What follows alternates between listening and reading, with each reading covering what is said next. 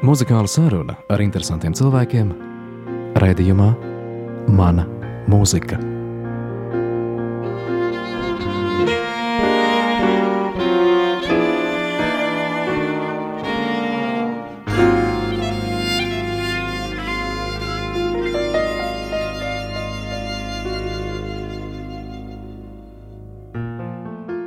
Esiet sveicināti klasikas klausītāji! Šodien veselu stundu no sava dārgā aizņemtā laika raidījumam Mana mūzika ir atvēlējusi etnomūziķa Kristīna Kārkla Pūriņa. Sveika, Kristīna! Sveika! Laikam jau tiešām ir tā, ka šis vasaras laiks, šis uh, pirmssvētku laiks un vasaras pilnbriets tev kā etnomūziķei, kā dziedātājai, kā spēlētājai ir tāds ļoti aizņemts un ļoti saspringts un saplānots burtiski pa minūtēm un stundām. Tā ir, bet jāsaka, ka uh, gadu gaitā nu, jau ir pierasts, ka tu zini, ka uh, uz Jāņiem būs tā lielā skriešana, un tu jau sevi tā kā emocionāli sagatavo jau kaut kad pavasarī, nu, kad būs jāsavāc visi spēki, un, jau, un tas jādara. Bet tas ir ļoti skaisti. Es par to tiešām priecājos. Un ir arī tādi tukšāki laiki, jau kas ir ierasti. Mm, pēdējos gados varētu teikt, ka pat tādu tukšo periodu nav, jo to ļoti labi parāda tas, ka uh, man ļoti patīk ceļot, un es, teiksim, reizi gadā vienmēr mēģinu kaut kur aizbraukt uz tālāku zemi pēdējā laikā vienkārši nav sanācis. Tu domā, ceļot, nespēlējot, nedziedot, eh, nemuzicējot, vienkārši baudot? Mm, nu, reti sanāk. Tā ceļošana vairāk ir saistīta ar dažādu folkloras festivālu apmeklēšanu, kur es braucu kopā ar savas māmas folkloras ansambli Cērulēts. Jā, un tad mēs piedalāmies festivālā un, protams, arī apceļojam to zemi, kur mēs piedalāmies. Tādas mīļākās zemes, kurās ir pabūts, un mīļākās vietas, kur varbūt gribētos atgriezties kaut kādā veidā, parādīsies arī mūzikā, kas šodien skanēs. Viena no zemēm, kurā es neesmu bijusi, bet uh, kuras vēlētos ļoti aizbraukt, jā, parādīsies, tā ir Grūzija. Bet ar Grūzijas mūziķiem gan ir bijušas dažādas attiecības, muzikālas un droši vien arī cilvēcisks, ne reizi vien. Jā, tieši tā, un uh, tāpēc viena gribās apmeklēt šo skaisto zemi, jo ir dzirdēts daudz stāstu, un tomēr arī filmas redzētas, un uh, jā, kopā spēlēts un runāts par to, bet tad, kad man bija iespējas gaidīt meitiņu, Tāpēc nesanāca, bet es ļoti ceru ar visu meitu un, un, un vīru aizbraukt un apskatīt šo zemi. Mūzika tā ir tava darba dzīve, vai arī laikā, kad tu nestrādā, teiksim tā, vai iznāk laiks, vai vispār ir vēlme klausīties mūziku? Man sanāk mūziku klausīties, Bet uh, tā mūzika vairāk ir uh, tam brīdim tas nepieciešamais uh, materiāls. Kas ir jāapgūst kāds jauns skaņdarbs. Tad, Tātad protams, tomēr es... ar darbu saistīts. Jā, jā un ir, ja ir iespējas arī mēdz izbaudīt klusumu. Un no otras puses kāds klusums, jo man ir mazs bērns. Jā, tas ir neklausies. Šupradziesmas mazāk, bet, teiksim, meitai patīk dziedāt, un viņa grib, lai es klausos, un tad, protams, jāklausās. Tad klusuma ir diezgan maz. Bet, ja būtu daudz laika, tad Vai tā būtu akadēmiskā mūzika, vai tā būtu tā, ko mēs saucam par pasaules mūziku, vai tā, ko mēs vispār nekādīgi nevaram nosaukt, kas būtu tā tava skaņu pasaule, kas būtu tā primārā un pirmā, kur tu izvēlētos? Varbūt pat ne pasaules, jo es tomēr diezgan daudz ar pasaules mūziku pati darbojos. Man ļoti patīk kora mūzika. Un varbūt tas saistīts ar to, ka uh, man ļoti tuvs radinieks, māmas brālis, kādu laiku ar to darbojās. Un, uh, es pati kādu laiku dziedāju korī, un, un arī baznīcas korī, un viss tā arī, arī patiesībā garīgā mūzika. Tas ir saistīts ar tavu bērnības pasauli Līvāniem? Līvāna ir viens. Līvāna man vairāk asociējas ar folkloras ansamblu Cērulēts, ja mēs tādā muzikālā ziņā runājam, bet uh, mani lauki, kas ir Vanagos, Preļu rajonā, nu jau vairs nav, man liekas, rajons, uh, bet, nu, tā agrāk sauc. Tur ir ļoti skaista baznīca un Tā kā es esmu augusi katoļu ģimenē, tad, protams, katru svētdienu bija baznīcā iešana, bet par to vēl starp mans vecāks ir liels dziedātājs. Un, principā visa ģimene cieta, un arī, protams, garīgās dziesmas. Un man ir bijis tā, ka teiksim, brīvo laiku vasarās bieži bija jāpavada pārrakstot kādas notis, jo agrāk jau nebija nu, Sibēlijus. Sibēlijus un printere turpat laukos, un viss bija roku jāpāraksta un partijas jāraksta. Un tāpēc es diezgan daudz ar to dzīvoju. Un pati gāju un pati mēģināju ērģeli spēlēt, tad, kad nebija ērģelnieka kaut kur bija aizņemts, bija kāzas bērns, nu kā jāspēlē. Tad vecās zina uz baznīcu trenēties. Tagad tavs mūziķis ceļš jau bija zvaigznēs un bērnībā un šupulī likts. Jā, jā. Izvēles droši vien un varianti īpaši nebija. Varbūt tas virziens, kurā. Varianti vienmēr ir. varianti vienmēr, bet man tas patika. Man tas sagādāja prieku, un vēl arī tas, ka es nebiju viena, bet man apkārt bija uh, dziedoši spēlējuši cilvēki. Ar kuriem es to varēju kopā darīt. Un, un tas ir skaisti, ka tu vari arī tajā pašā baznīcā aiziet un ar vecstāvu kopā uzdziedāt ar brāli. Un, ar māmas brāli. Tā ir joprojām, ka jūs satiekoties, dziedat un muzicējat. Mēs jau uz laukiem tiekam, protams, katru reizi, teiksim, Ziemassvētkos muzicējam arī ar maniem draugiem. Lielākā daļa ir uh, mani kompanioni uz skatuves, kolēģi. Bet, teiksim, ir brīvi brīži, kad mēs vienkārši satiekamies, arī mēs ļoti daudz muzicējam. Kura mūzika skanēs, arī tava balss skanēs šajā manas mūzikas stundā, bet sākumā ieskanēsies Gabriela Loboja. Kāpēc? Patīk. Es dažreiz pat neanalizēju, kāpēc, bet, teiksim, pirmo reizi, kad izdzirdēju šo skaņdarbu, bija iespējams kāds dvēseles stāvoklis, kad kaut ko tādu vajadzēja. Mieru, Tas bija, man liekas, uz Ziemassvētkiem. Un, ja runā par oboju, tad es varbūt ar oboju vairāk saskāros tieši ar Valtu Pūci. Viņš arī Maranā, protams, ir izmantojis, un mums bija Pūcis etnogrāfiskais orķestris, kur oboja bija viens no solo instrumentiem, ar ko arī man vajadzēja saspēlēties. Labi, neanalizēsim, un lai ieskanas un lai rada to īsto sajūtu Eņģa Marikonis Gabriela Boja.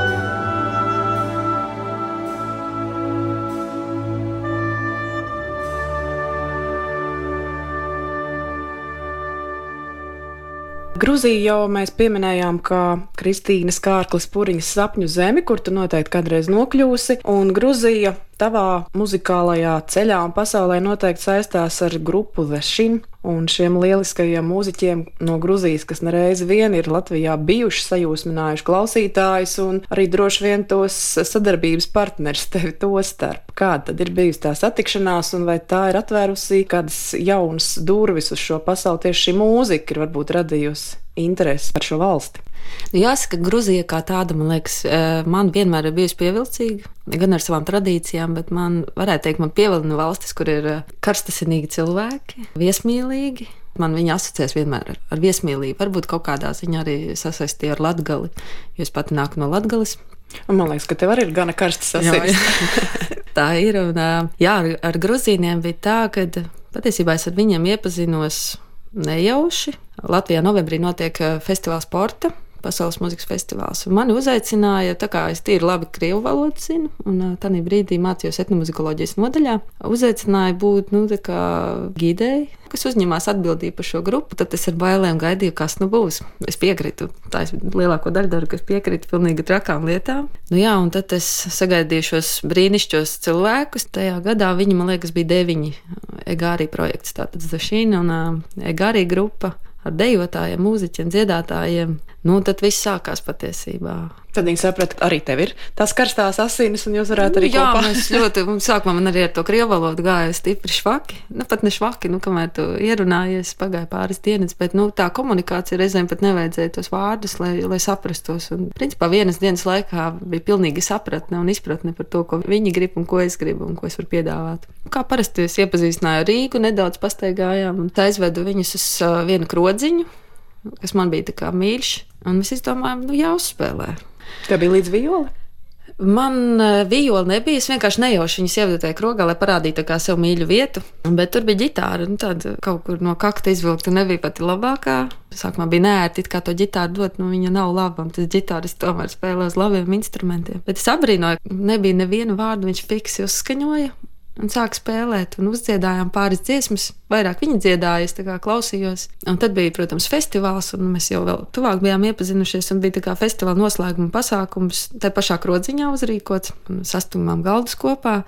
Nu, un šie kā ierasts mājās vai, vai ballītēs, nu, spēlēs. Un, un biju es un arī mans brālis, un viņi mums saka, nu, spēlēsim kopā. Un tad bija tā, es biju dzirdējis viņu koncertus, un, protams, stāvā sajūsmā, un, un tagad viņi piedāvā uzspēlēt kaut ko kopā. Un, nu, tas stress bija pirmajā brīdī, ko nu darīt. Bet tā muzicēšana nu, tā aizgāja, ka man liekas, viss tas kroks, nu, nesapratu, kāds iespējams, jo mēs nebijām nemēģinājuši, ne kaut kādas kopīgas dziesmas bijām gatavojuši. Un fantastiska sajūta, un to es vienmēr esmu teikusi, kā es novērtēju, ka ir šie pasaules līmeņa mūziķi, arī tādi, kas spēj būt savā būtībā vienkārši.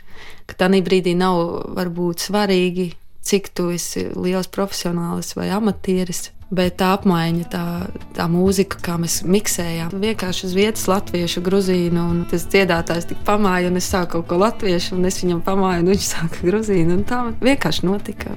Kā šī kopā ar tavu balsi saskan, to arī mēs vēl dzirdēsim, bet šobrīd lai ieskanas kāds mirklis no viņu projekta gārī.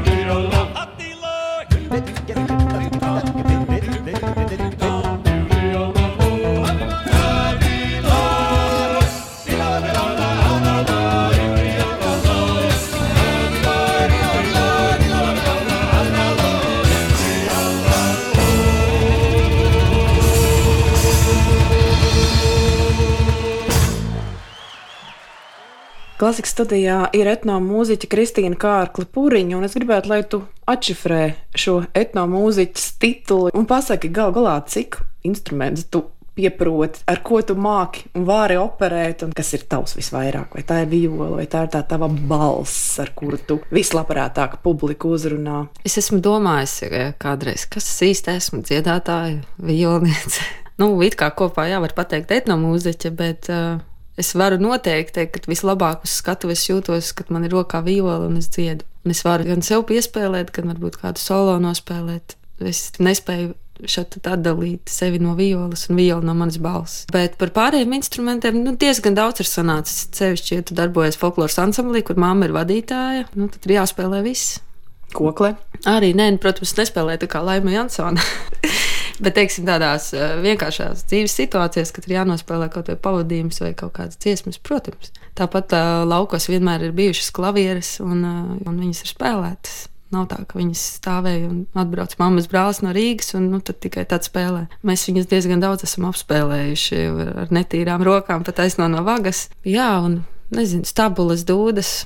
Arī etnomuzikoloģijas nodaļā bija tāds nosacījums, ka pusgadu mēs varējām izvēlēties kādu instrumentu spēlēt. Apgūt no jauna. Jā, tieši tā, nu, vai pamatiņus, jo tas nosacījums bija, ka ir ļoti grūti varbūt tā šeit kaut ko analizēt no etnomuzikologa viedokļa, ja tu nepārzini šo instrumentu. Kaut vai nedaudz tu saproti, kas tur notiek, ko tu vari dabūt ārā un kur tu vari izmantot. Un tas ir palīdzējis arī daudzos muzikālos projektos kas neatiecas varbūt uz manu balsi vai violi, kas varu arī analizēt kaut kādas lietas, teiksim, kādas ir dūdām iespējas, kādas ir koklē iespējas, un, un tas palīdz tiešām. Bet eh, sadarbībā ar Pūces etnogrāfisku orķestri tapa projekts šai zemē. Tā ir zemē. Mēs paklausīsimies, eh, kā kūkoja dzegūze. Vispār man dzegūzes tēma ļoti mīļa. Un ļoti daudz arī dzegūzes dziesmu nāk no Latvijas. Tās dziesmas, kur dzeguzes tēma, tas parasti ir precība dziesmas, un liela daļa ir ar, ar skaudru realitāti. Un man liekas, patīk tādas arī apcerīgas un varbūt ar sāpju nelielu. Lai ieskan spūcis etnogrāfiskais orķestris un šai zemē tai zemē. Kūkoja dzegūze dziet lakstī galvā, kūkoja dzegūze dziet lakstī galvā. Raud manā māsīņā svešajā zemē, raud manā māsīņā svešajā zemē.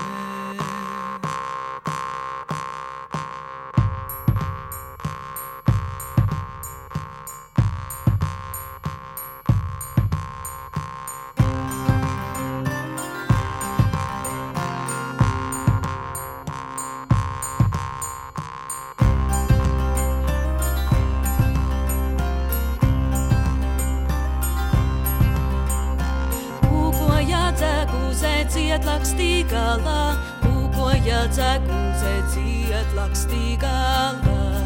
Raud manā māsīņā svešajā zemē, raud manā māsīņā svešajā zemē.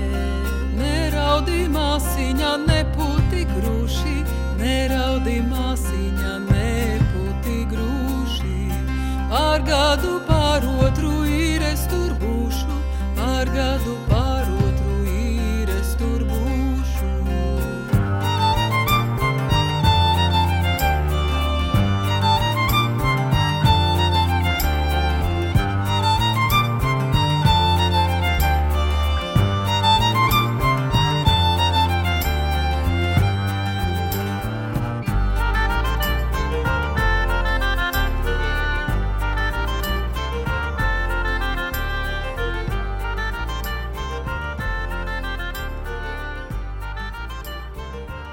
Dažādas krāsas mūzikā šodien ir pārstāvētas, tostarp arī Igors Stravīnskis un Svētpavasars. Es mēģināju iziet saviem dzīves tādiem svarīgākiem periodiem cauri un atcerēties, kas tajā brīdī man ir paticis vai, vai man dzīve padarīs krāsaināku. Un šis periods ir saistīts ar Daugopils mūzikas vidusskolu, kur es mācījos vioļu spēli. Neteikt, ka bija tāds viegls periods. Un es diezgan slinka biju, varētu arī teikt. Man arī, teiksim, interesē vairāk folk mūzika, es braukāju pa festivāliem, man bija tur sava dzīve, un tā Daugopils bija, nu, bija jāmācās, protams. Izglītība vajag. Jā, tieši tā.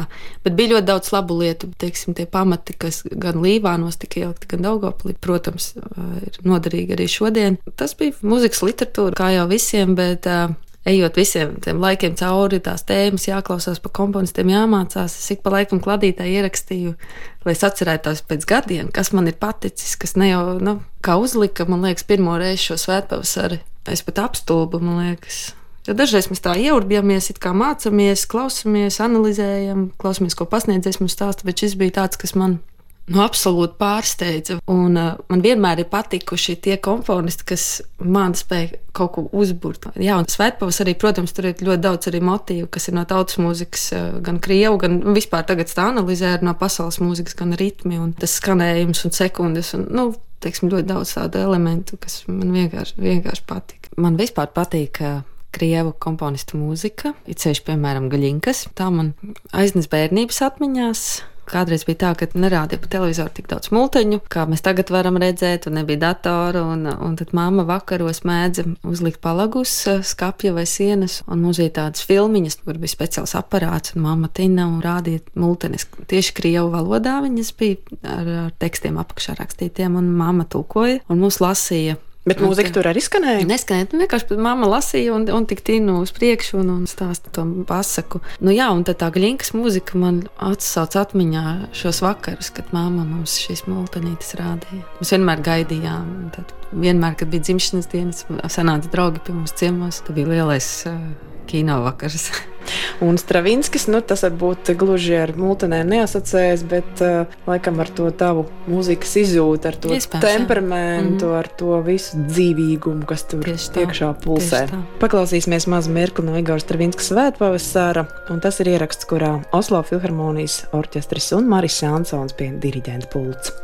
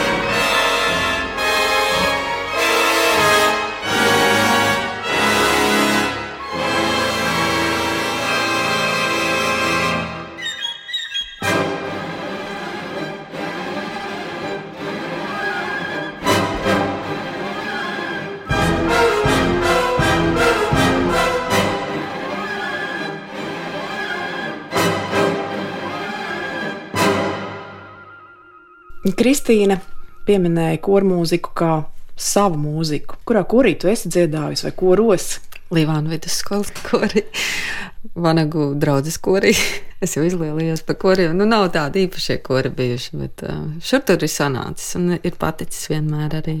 Bet auglīgā sēkla ir iesēta, un tad jājautā, vai izvēle Erika Ešenvalda O salutāris hostī tas ir kora balsu dēļ, vai tu tur esi sajutusi kādas īpašas saites ar pašu komponistu vai vienkārši šo muzikālo valodu? Kora mūzika, jā, nu man, man patīk vienkārši kā skan, ir ceļš labi kori, kad, kad cieti. Var vienkārši baudīt to. Tieši šo dziesmu es pirmoreiz izdzirdēju kādā koncertā, kas bija, es teicu, neatceros, kurā baznīcā Rīgā. Aizgāju, jo piedalījās šajā koncertā mans vīrs, kurš dzieda vīru korī gaudāmus. Un te es sēdēju koncertā, protams, klausos. Un, un tad pēkšņi šis skaņdarbs un uh, tāds gaišums nāca no tā visa. Un, Un es visu to dziesmu sēdēju un pilnīgi nevarēju ne pakustēties, ne kārtīgi paelpot. Tik ļoti baudīju. Un, um, man nebija programma, un es ieraudzīju, ka uh, priekšā sēdošām sievietēm ir programma viņa rokā. Un baznīcā pustumsa bija. Es tur mēģināju saburt to tā, kas jau ir noskanējis, un atradu Un, un patiesībā es ieraudzīju, ka tas bija Ešenvalds, un es domāju, nu, kā es neiedomājos.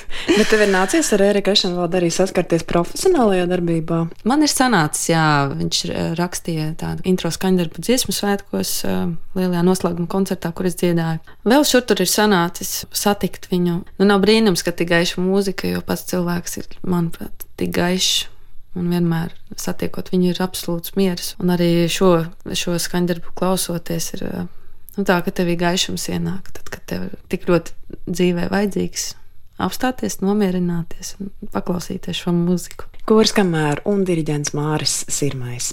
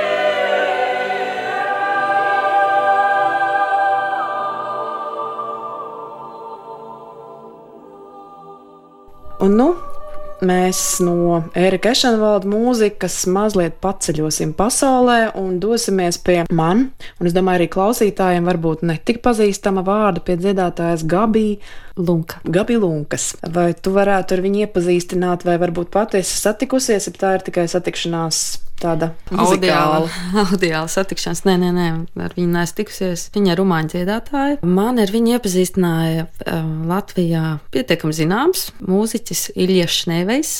Kam Pirms pāris gadiem bija grupa Foršpīla.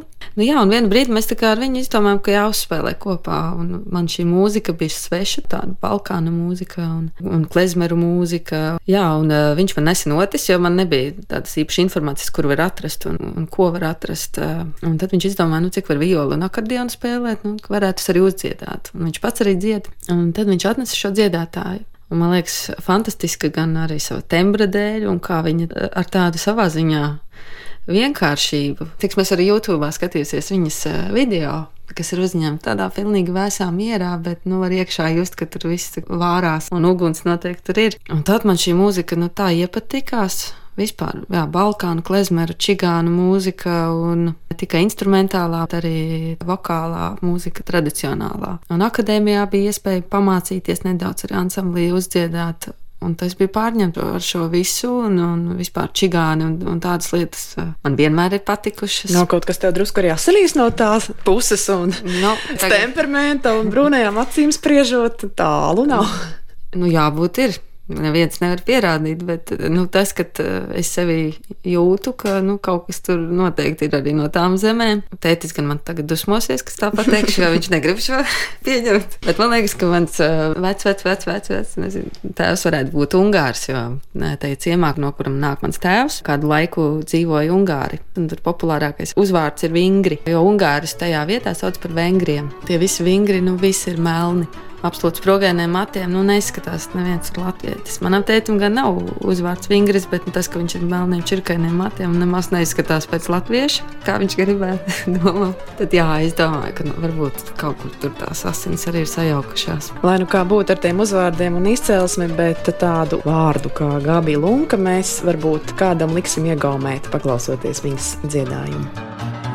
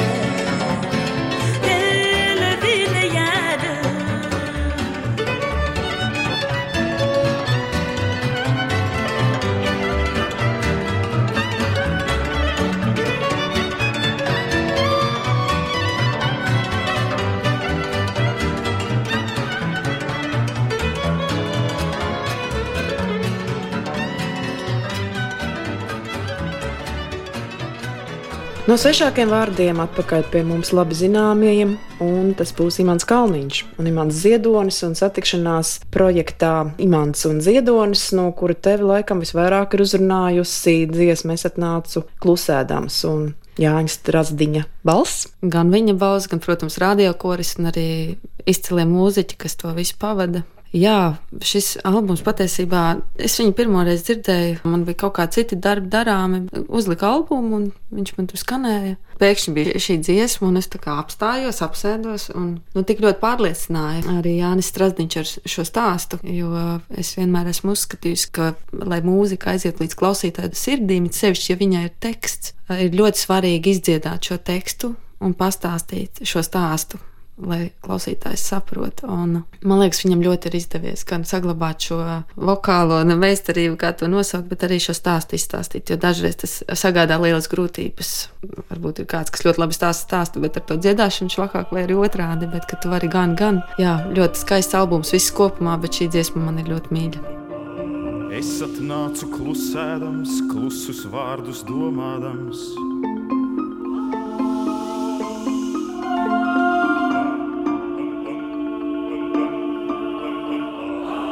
Klusi krūkļi, klusi cīņi, galotnē krauklis mēms.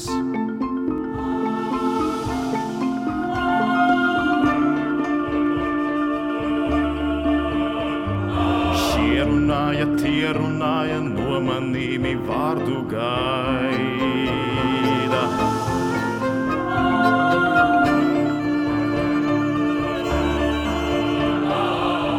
Es nesviedu savu balsi šķidrajā ūdenī.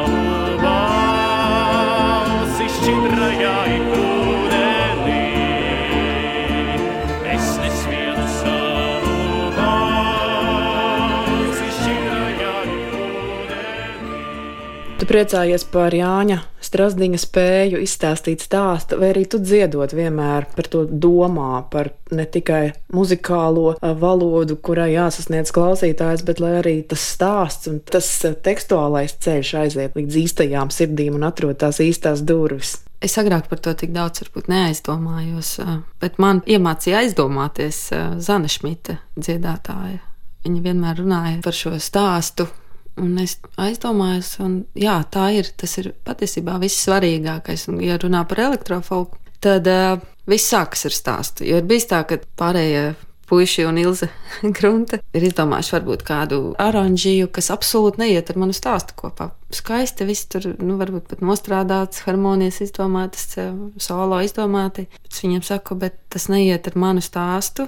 Ar manu tēlu, ko es likšu šajā dziesmā iekšā. Es jūtu viņu savādāk. Un vienmēr man ir svarīgi, tad, kad es stāstīšu šo stāstu, lai šie mūziķi, kas vai nu spēlē pavadījumu, vai ir solisti, lai viņi dzird manu stāstu, lai arī ne tikai līdz klausītājiem, bet līdz viņiem nonāk šis stāsts, un lai viņi to papildina. Ne jau kaut kā nogremdē, ka tas tā arī paliek kaut kur pie maniem vai pie kāda cita skatuves, bet tas tiešām aiziet līdz klausītājiem. Man liekas, folklora arī, teiksim, latviešu, un es domāju, arī citu tautu folklora stāsts ir pats galvenais patiesībā.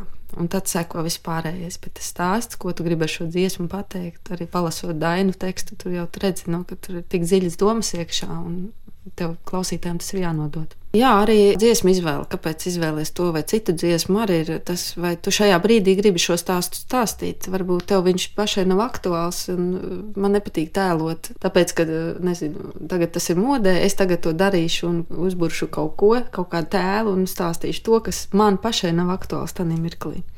Un tā arī veidojas savā ziņā tas repertuārs. Kāds ir rūtojas saules stāsts? Rūto saules dziedu jau ļoti sen šo dziesmu. Pirmoreiz viņu izdzirdēju folkloras kopas groda izpildījumā, kur dzied brīnišķīga dziedātāja Aida Rancāne. Kādu laiku man viņa no rīta līdz vakaram klausījās.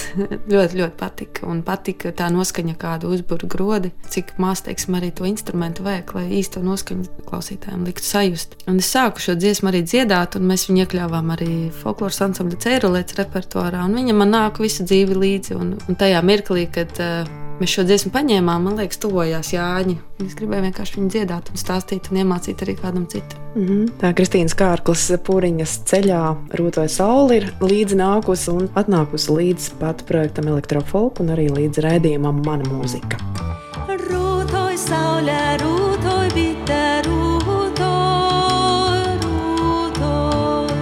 Palelu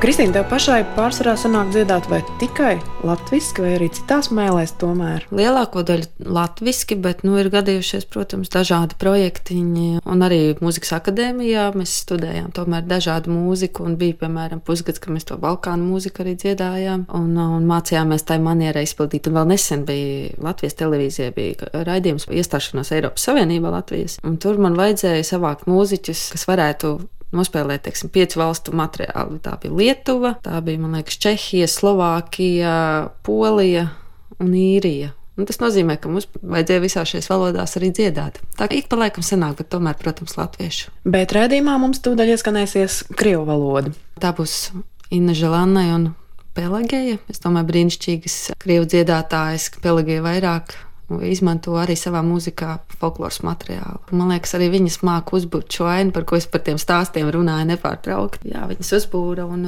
un man ļoti patīk. Personības vispār kā tādas man patīk vērot. Es teiksim, skatījos koncertu ierakstu un um, viņas kā, kā būtnes, man liekas, arī ir brīnišķīgas un fantastiskas. Un šis bija tāds krievu mūzikas paraugs, bet daudz pasaulē ir tādu muzikālu paraugu, kur, kuras arī bieži vien vienkārši uzlieku un dziedu līdzi. Un agrāk mums bija arī ar brāli tāds periods, ka mēs diezgan daudz krievu dziesmu zinājām, baltkrievu dziesmas, un arī šādi uzdziedājām. Jo vienmēr ir interesanti arī iedziļināties citā materiālā. Inna Želanājā un Pelagēja. Božošie.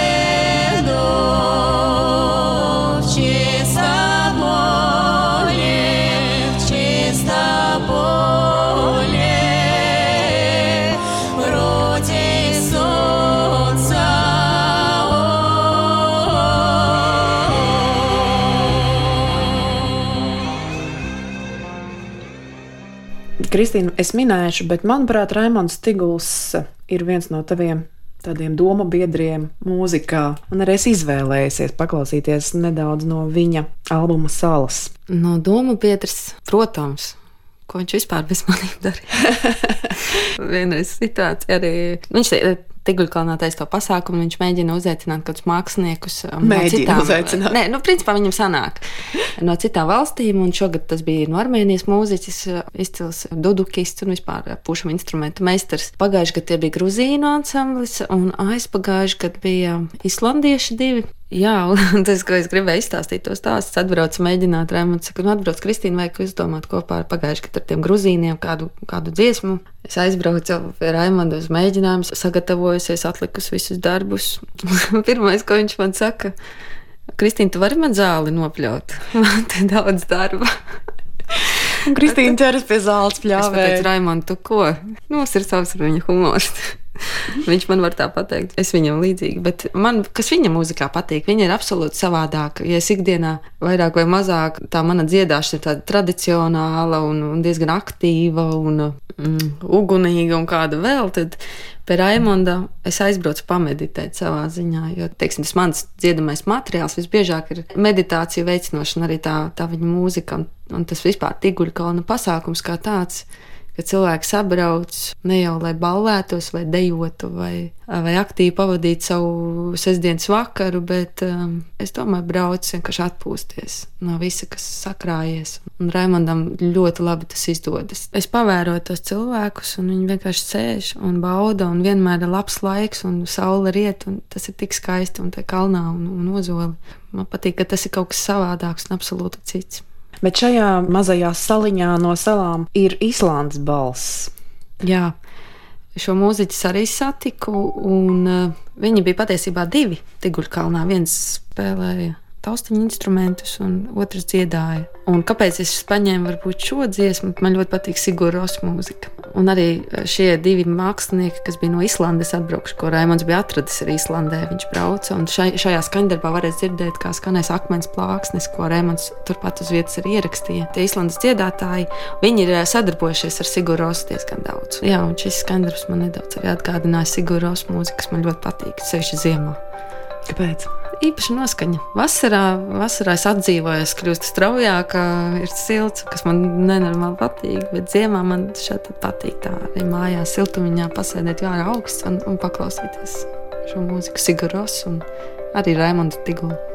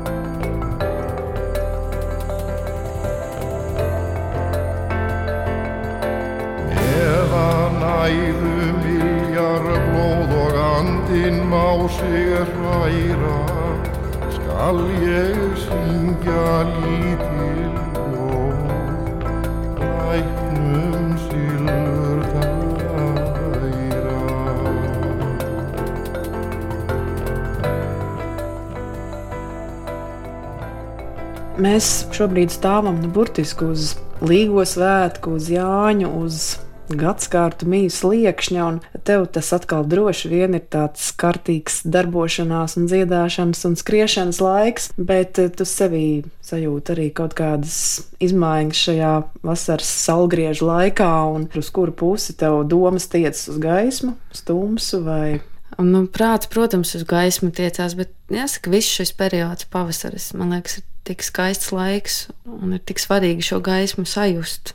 Jo mēs zinām, ka pēc jāņem tā gaisma paliks ar vien mazāk un mazāk. tā kārtīgi izbaudīt, jā, sasmelties. Tieši tā, sasmelties, jo tomēr tā dod spēku izturēt nu, tos tumšos mēnešus, un arī to saulīti arī skaisti pavadīt, muzicējot, vai varbūt kāds cits savādākā veidā. Valds Pūce ir tavs arī muzikālais draugs, bet eh, Mārana tā jau tomēr tāda pagātne, kur tu droši vien kā bērns varbūt es pieņemu, es klausījusies kādreiz, vai atgriezies arī tagad pie Māranas ierakstiem. Mm. Šeit tad atgriežos. Protams, tā mūzika nāk iekšā jauna, un tu klausies atkal kaut ko jaunu. Bet uh, Marana. Marana atnāca ar Valtu Pūci, protams, komplektiņā. jo, jā, es satikos ar Valtu Pūci, un es jau neko tādu daudz nezināju. Es biju nesen no Līvāniem atnākusi, principā no Daugavpils uz Rīgu, sāku te dzīvot, sāku te mācīties tālāk, un, un tad bija tā iespēja ar Valtu Pūci uzmuzicēt uh, Pūces etnogrāfiskajā orķestrī. Mēs ar Valtu ļoti daudz runājām par mūziku. Un, un viņš savā ziņā arī mani izglītoja daudzās lietās. Un viens no veidiem bija, viņš man deva vienkārši diskus dažādus, un viens no tiem bija arī Marenas disks. Vai vairāki diski. Man ļoti patīk vispār valda mūzika, kas it kā pat dažreiz liekas arī pietiekami vienkārši, bet kā viņš atrod dažādus tembrus un kā tas viss skan kopā. Un arī pūtas etnogrāfiskā orķestrī liekas, nu, nekā it kā tāda sarežģīta nav. Tā ir no malas klausās, bet tā pašā laikā, ja man, piemēram, uz vijoli ir jāspēlē trīs ceturdaļās un jādzied, eh, piemēram, piecās astodaļās, nu tad nav varbūt tik viegli, bet tā kā no malas tā mūzika tāda viegla un gaisīga, un es ar viņu arī piedalījos. Viņa uh, izrādē sunciem zēni, ko es bērnībā biju dzirdējis, ko Dace pūce dzied, un, un, jā, un Marana piedalās. Marana tā kā ir nākusi un visu laiku līdzi, kā ir bijis valsts pūce. Tā man mašīnā vai, vai, vai mājās ir bijis Maranas disks, ko es ik pa laikam paklausos. Nu, šis laikam ir īstais brīdis, lai mēs no gadsimta ierašu dziesmām varētu mazliet pakavēties Jāņu laikā. Lītiņš, līti, nemācīja, mirdzināti, mirdzināja, tautas prāti, nemācīja, raudināti,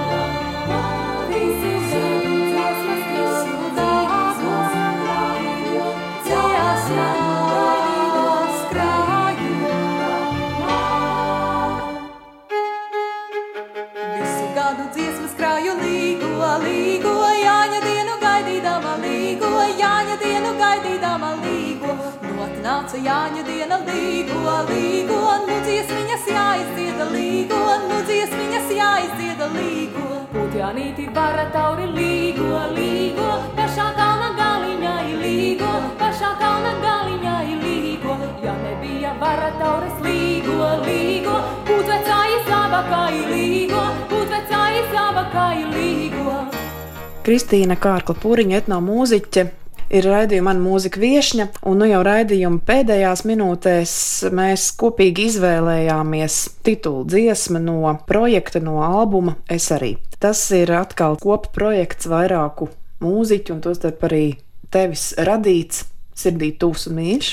Noteikti, jo tas laiks, kad tapa šis projekts, ā, bija fantastisks un man liekas, visam mūžam tik daudz jauku cilvēku bija apkārt. Un tā vide, kurā mēs dzīvojām, kad rakstījām šo albumu, Te atkal satikšanās ar, ar Zešinu mūziķiem. un Te patiesībā jāizstāsta stāsts, kā vispār šis albums tapa, jo viņam ne, nu, nebija tā pirmā ideja, ka albumu rakstīsim. Valtam Pūcam ir eh, Košragā. Kurzemes jūrmalā māja. Un uh, bija doma, nu, savāksimies, uztaisīsim kādu programmu, ko mēs varam uzspēlēt vai nu Portas festivālā, jo idejas bija. Un šis tas jau bija uztaisīts, un tad mēs atbraucām. Grūzīna atbrauca uz trīs nedēļām. Nu, tad jāsaka, nu, divas nedēļas mēs tur tā arī dzīvojām. Cepām šašliku, runājāmies, darījām visas lietas kopā, dzīvojām vienkārši vienā mājā. Zāza, kas ir ģitārists, nepārtraukti ģitāru spēlēja. Nu, katrs kaut ko tur ņēmās, cīnījās ar rodiem, ar visu cīnījās. It kā- pagaidām arī tapa mūzika, ja? Tapa mūzika, jā, un tad, nu, kā jāieraksta. Un tad bija nedēļa, principā, palikusi līdz grūzīnu prombraukšanai, un nedēļas laikā mēs arī to disku, nu, tā pašu pamatu arī ierakstījām, kas bija, nu, ļoti ātri. Un tad, kad tu sāki stāstīt par to titulu dziesmu, tā bija pirmā dziesma, ko mēs ierakstījām. Un tas bija tā pilnīgi nejauši. Mēs viņu jau bijām nospēlējuši vienā koncertā, tagad koncepts jau bija izdomāts. Mēs tā sēdējām vakarā. Mums vakar ilgi bija līdz kādiem 3-4 naktī, un tad 12. pa dienu mēs sākām strādāt. Un uh, bija, man liekas, kāda pusdivi naktī, un Zāza saka, nu aiziet, iedziet, iedziet. Mēs tur jau saguruši, un, un vakars, un miers. Un es aizgāju, un tāda viņa arī palika. Jo es pēc tam mēģināju, nu, kā parasti, pamēģināt vēl kādu variantu ierakstīt. Bet nu, tas bija ar tām īstām sajūtām, un tāds viņš arī palika. Es domāju, ka ik viens, kas ir klausījies šo disku, tur ir kas tik tur nav ielikts. Tur ir uh, atdarināta odi, kas mūs tur koda un apdziedāts. Viss, kas bija pēc tam trim nedēļām noticis, bet sajūtas fantastiskas. Un, protams, ar šiem jaukajiem cilvēkiem arī Valtu un Zani Šmiti tapa brīnišķīgs, man liekas, albums. Tā muzicēšana principā ļoti reti ir no uzrakstītām notīm, no kaut kā gatava. Laikam tas viss ir kopā ceļš daudziem cilvēkiem, vai tev vienai pašai radot, improvizējot, mēģinot kaut kā tam visam pietuvoties. Tā ir tāda mūžīga attīstība, un nekas nav akmenī iecirsts. Tieši tā. Un katra kompānija, ar ko tu savācies, ir pilnīgi savādāk cilvēki. Un tas, ka to mūziku tu jūti, kādai viņai būtu jāskan, ir absolūti savādāk varbūt nekā iepriekšējā projektā. Un tāpēc man ir svarīgi šīs sajūtas, par ko es visu laiku runāju, kas īpaši neanalizēju, bet lai ir šī īstā sajūta. Jo, ja ir īstā sajūta, arī tu šo visu vari dot klausītājiem. Ja nav, nu, tad sanāk gandrīz tā kā tu iedod notis, tu nospēlē un aiziet projām mājās. Bet es ļoti ilgi dzīvoju un izdzīvoju, un ļoti bieži arī pārdzīvoju. Nu, tā, kad es nodziedu dziesmu, un es neatceros, kas ir bijis, jo es tik ļoti ieju iekšā. Teiksim, es varbūt ne, ne tādās trakās, un ātrās un iestrās melodijās, bet tādas lēnākas. Arī šis ir arī. Es viņu tik ļoti izdzīvoju un caur sevi izlaižu, ka daudzreiz pat koncertos man ir viņu ir grūti dziedāt, jo koncerti ir koncerti. Tā nav tā vide, kur viņa tapa un kā viņa veidojās. Bet es ļoti cenšos nodot klausītājiem šo vajadzīgo sajūtu un īsto. Man jāteic paldies Kristīnai Kārklē Pūriņai par šīm sajūtām, kuras tu veselas stundas laikā nodevi klausītājiem. Cerams, ka viņi to sajūta. Lai tev daudz darba un arī kādu brīdi padomāt, apstāties un uzņemt sauli un spēku, lai būtu tā gana visam atlikušajam gadam. Paldies! Paldies! Un raidījumā man mūzika ar Kristīnu Kārklu Pūriņu sarunājās Lienija Kovļeva.